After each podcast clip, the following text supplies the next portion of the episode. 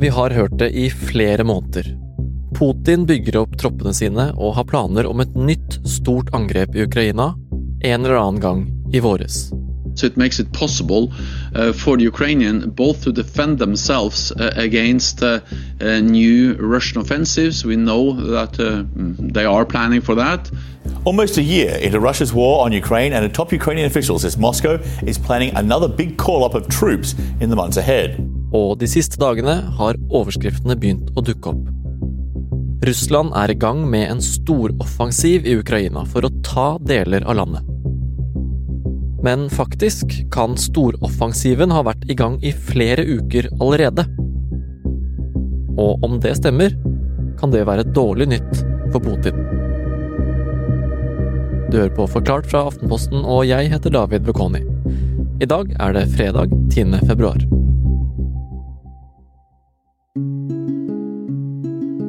Nyheten om at en, eh, et stort slag er på gang i Donbass, er noe vi har eh, ventet på lenge. Det har kommet mange varsler om det, og eh, det er flere som nå har, har spådd at de russiske styrkene planlegger en stor, stor offensiv, et stort angrep nå i løpet av februar. Per Anders Johansen er en av Aftenposten-journalistene som har fulgt krigen tett siden Russlands invasjon for snart ett år siden. Og nå kan altså et nytt stort angrep være i gang. Det har kommet flere meldinger de siste dagene om at det nå pågår eh, svært mange russiske angrep langs eh, fronten, og eh, den amerikanske tankesmien Institute for Study of War, som er en av mange kilder som mener dette, de, de mener jo at den russiske storoffensiven allerede er i gang. Ja, så da er det egentlig bekrefta? Vel, slik er det med den krigen. Det er, er, veldig vanskelig å si. Noen mener at den kanskje har pågått en, en, god stund allerede, mens andre mener at den nå er i gang. Og så er det noen som tror at den, at den så vidt har startet, og at det verste vil komme nå neste uke. Det er altså fortsatt mye som er usikkert, og det er ikke lett å få pålitelig informasjon fra fronten. Det er heller ikke sånn at Putin går ut og forteller om alt han planlegger å gjøre. Men det er en del ting som taler for at en stor russisk offensiv er i gang. En av kildene som i hvert fall øh, jeg legger øh, vekt på og mener er troverdig, er den ukrainske guvernøren i Luhansk. Han har øh, fulgt gjennom hele krigen, og han sier at angrepene har økt helt betydelig. At det er en, en dramatisk økning, ikke bare i antallet, men også i intensiviteten i angrepene. Og i tillegg så skjer det jo nå Eh, noe akkurat i, mens vi prater her. Eh, I Luhansk så slår russerne av hele mobilnettet. Dette er et eh, veldig klart tegn på at de nå da altså stenger alle mobilene, slik at ingen skal kunne plukke opp signalene fra mobilene. Og dette vet vi at Ukraina har brukt tidligere til å både spotte russiske avdelinger i bevegelse, og dessuten også finne ut hvor de skal rette inn sine, sine dødelige og meget effektive artilleriangrep. Men eh, på tross av alt det her, så er det likevel noen som er i tvil om at det er nå offensiven starter. Eh, hvorfor det? Britisk etterretning tror dette kan ha pågått i flere uker allerede, og øh, kanskje så tidlig som nå etter nyttår. Og at øh, det vi egentlig bare har sett, er at øh, de russiske angrepene ikke har ført frem.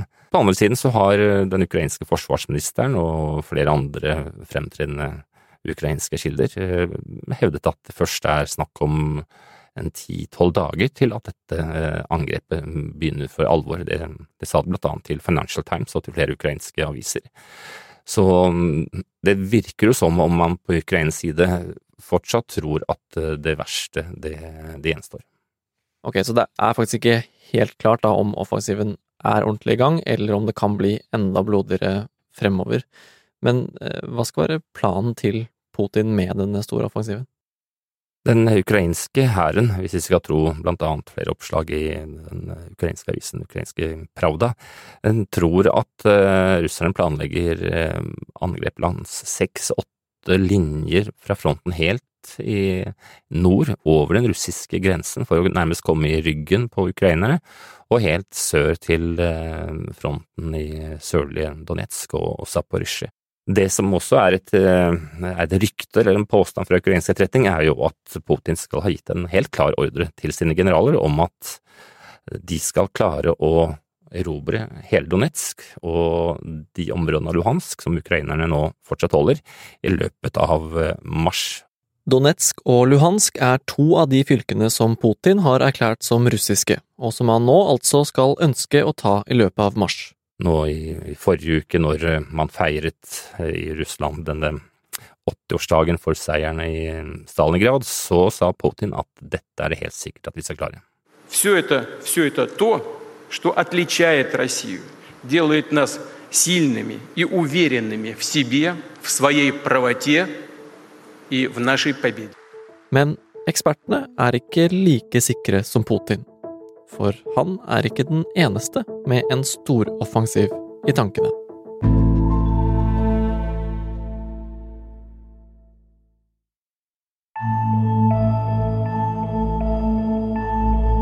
Per Anders, nå skal det da være i gang en storoffensiv, enten nå eller veldig snart. Hvorfor har Putin valgt akkurat dette tidspunktet? Nå har det gått snart eh, fire-fem måneder siden Putin mobiliserte i hæren, og eh, de fleste anslagene går ut på at den russiske hæren nå er forsterket med mellom 300 000 og kanskje 500 000 mann, og de har fått flere måneder på seg til å øve, trene, fylle hullene og dessuten så vet vi at denne tiden av året, eh, når frosten skal ha satt seg i grunnen, er Det har helt historisk eh, vært tidspunktet for å gjennomføre store offensiver på steppene.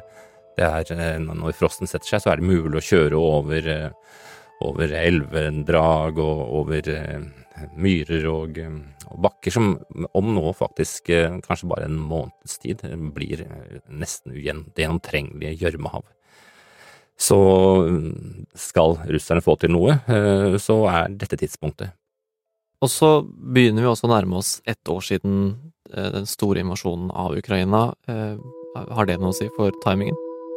Ukrainske politikere hevder det. De mener, og ikke uten grunn, at, at Kreml og Putin har veldig sans for jubileer. Siden den symboltunge datoen 24. februar 2022, da Russland satte i gang en fullskala invasjon av nabolandet, har krigen bølget frem og tilbake. Akkurat nå er det Russland som presser på. Ser vi veldig stort på det, så er det ganske åpenbart at Russland har, har klart å, å, snu krigen i den forstand at det er nå Russland som i større grad angriper.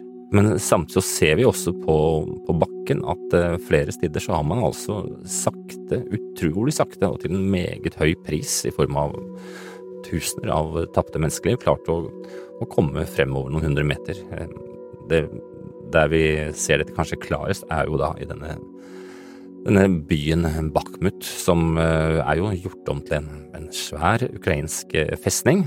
Det er færre og færre veier for ukrainerne å sende forsyninger inn til byen, og på et eller annet tidspunkt, hvis ikke Ukraina klarer å stoppe dette, så, så vil Bakhmut bli omringet. Og det er jo et av de stedene hvor det nå pågår viktige slag. Og faller først disse høydedragene rundt Bakhmut, så, så må Ukraina trekke seg tilbake i noen mil eh, og, og, satse på å forsvare byer som Kramatorsk og, og Slavjansk, og da har Putin kommet et godt stykke frem med tanke på å nå målet om å ta hele Donetsk. Mm. Så denne storoffensiven kan potensielt være med på å bidra til at Putin lykkes med målene sine, da? Jeg tror det er altfor tidlig å avfeie eh, Russlands evne til å fortsette denne krigen, eh, men eh, dette er jo det store spørsmålet som alle egentlig lurer på nå. Hva har eh, Russland fortsatt i ermet? Vi vet at de begynner å gå tom for ammunisjon. Det er uh, flinke eksperter som nærmest teller, bokstavelig talt, fra dag til dag hvor mye uh, hvor mange bomber som russerne klarer å kaste over de ukrainske styrkene. Og der har vi sett i januar at, at de har rett og slett bombet mindre. Og vi ser det også i deres store rakettangrep, de, de, har ikke så mange raketter igjen. Så det kan være tegn på at de kanskje ikke har så mye våpen, eller at de er nødt til å prøve å samle opp. Men, eh, men, på den andre siden så har Ukraina fortsatt sin teknologiske eh, overlegenhet. De er de flinkeste eh, av disse to partene til å drive krigføring med hjelp av droner, ved hjelp av høyteknologi. De får satellittdataene fra, fra verdensrommet, og, og, og, russerne skjønner jo at de er faktisk eh, veldig underlegne på dette området, og dette ligger der som en frykt hos mange av de russiske soldatene. De vet at, eh, at ukrainerne kanskje vet mye mer om dem enn det de vet om ukrainerne. Dette er i så fall ikke første gang russerne sliter med utstyr og logistikk. Siden krigens start har det blitt rapportert om mange tabber og store utfordringer i det russiske militæret. Men det er også tabber som russerne kan ha lært av. Jeg tror eh, at eh, russerne har lært en del av sine tabber, og det forteller jo også ukrainske soldater som Aftenposten har snakket med langs fronten, at eh, angrepene nå i desember-januar har skjedd på en litt annen måte. Det er mindre avdelinger som rykker frem litt mer forsiktig. Vi vet at flere av de russiske avdelingene har fått mer droner.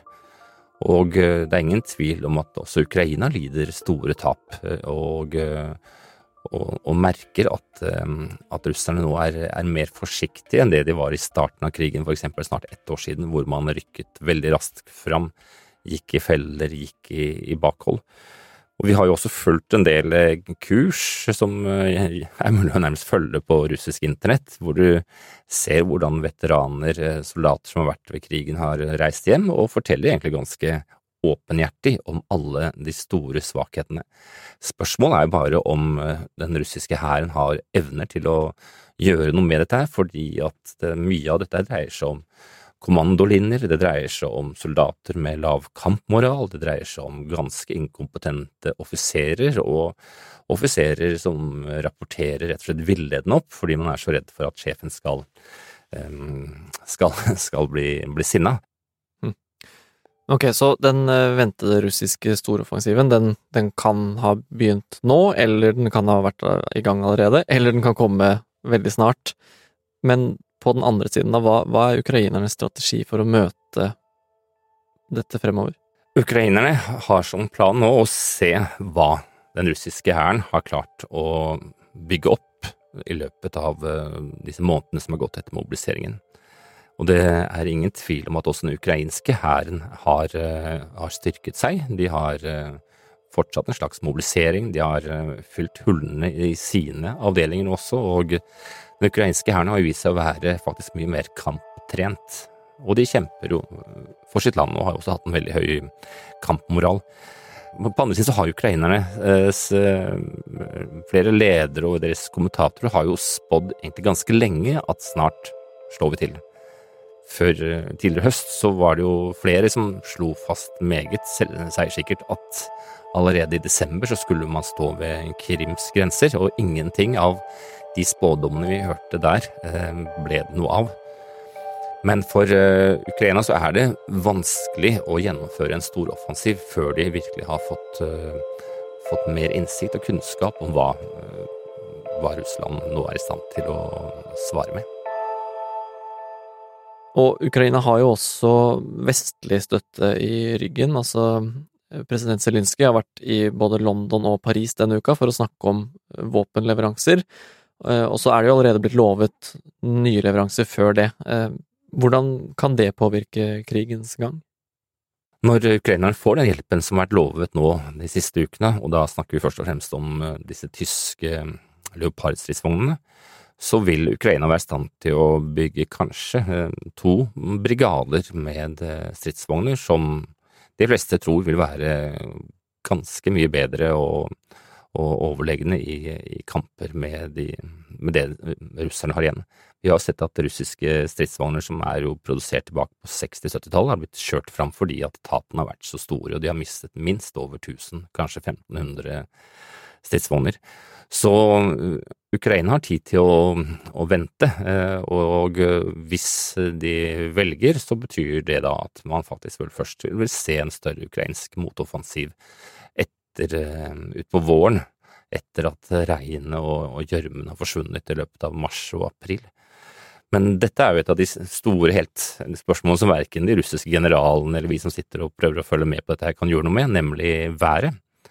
Og eh, de siste værmeldingene nå for neste uke viser jo faktisk at det blir varmegrader i Donbas, og det er veldig dårlig nytt for alle generaler som har lyst til å rykke fram og gjennomføre offensiver, for da blir det svært mye vanskeligere for de store, tynge, tunge stridsvogn og artilleri å bevege seg. Man kjøres fast i en, rett og slett en, en endeløs gjørme. Så været er veldig viktig. Og, og blir, er ikke været på, på russernes side, så blir dette vanskelig.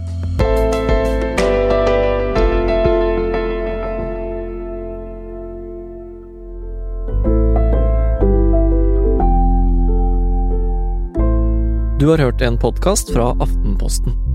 Per Anders Johansen fortalte om Russlands storoffensiv, og lyden du har hørt er fra Channel 4 og nyhetsbyrået AP. Det er Trond Odin Johansen, Jenny Førland og meg, David Vekoni, som har laget denne episoden. Og resten av Forklart er Synne Søhol, Philip A. Johannesborg og Anders Weberg. Uh, ja, vi er Aftenpodden, som er Lars Klomnes. Trine Eilertsen. Kjetil Bragli Alstein. Sara Sørheim. Og hver uke så tar vi for oss det siste, eller i hvert fall det mest spennende, i norsk politikk og samfunnsdebatt. Ja, se, vi har holdt på faktisk siden 2015 vi, å henge oss opp i ting i norsk politikk som ikke Det er ikke alltid det er det viktigste, men det er det som pirrer oss mest, og det vi syns er både gøy og interessant å snakke om. Og ikke minst litt rart. Absolutt. Altså, jeg er jo ny her, jeg har bare vært på prøve nå i snart tre år, så, så jeg, men, men, veldig artig å være med. Aftenpoddens vesentlighetskriterium det mener jeg er utgangspunktet for liksom alle gode samtaler. Og ting kan være viktig, men det må være gøy. Du kan høre oss hver uke hos Podme eller i Aftenposten-appen.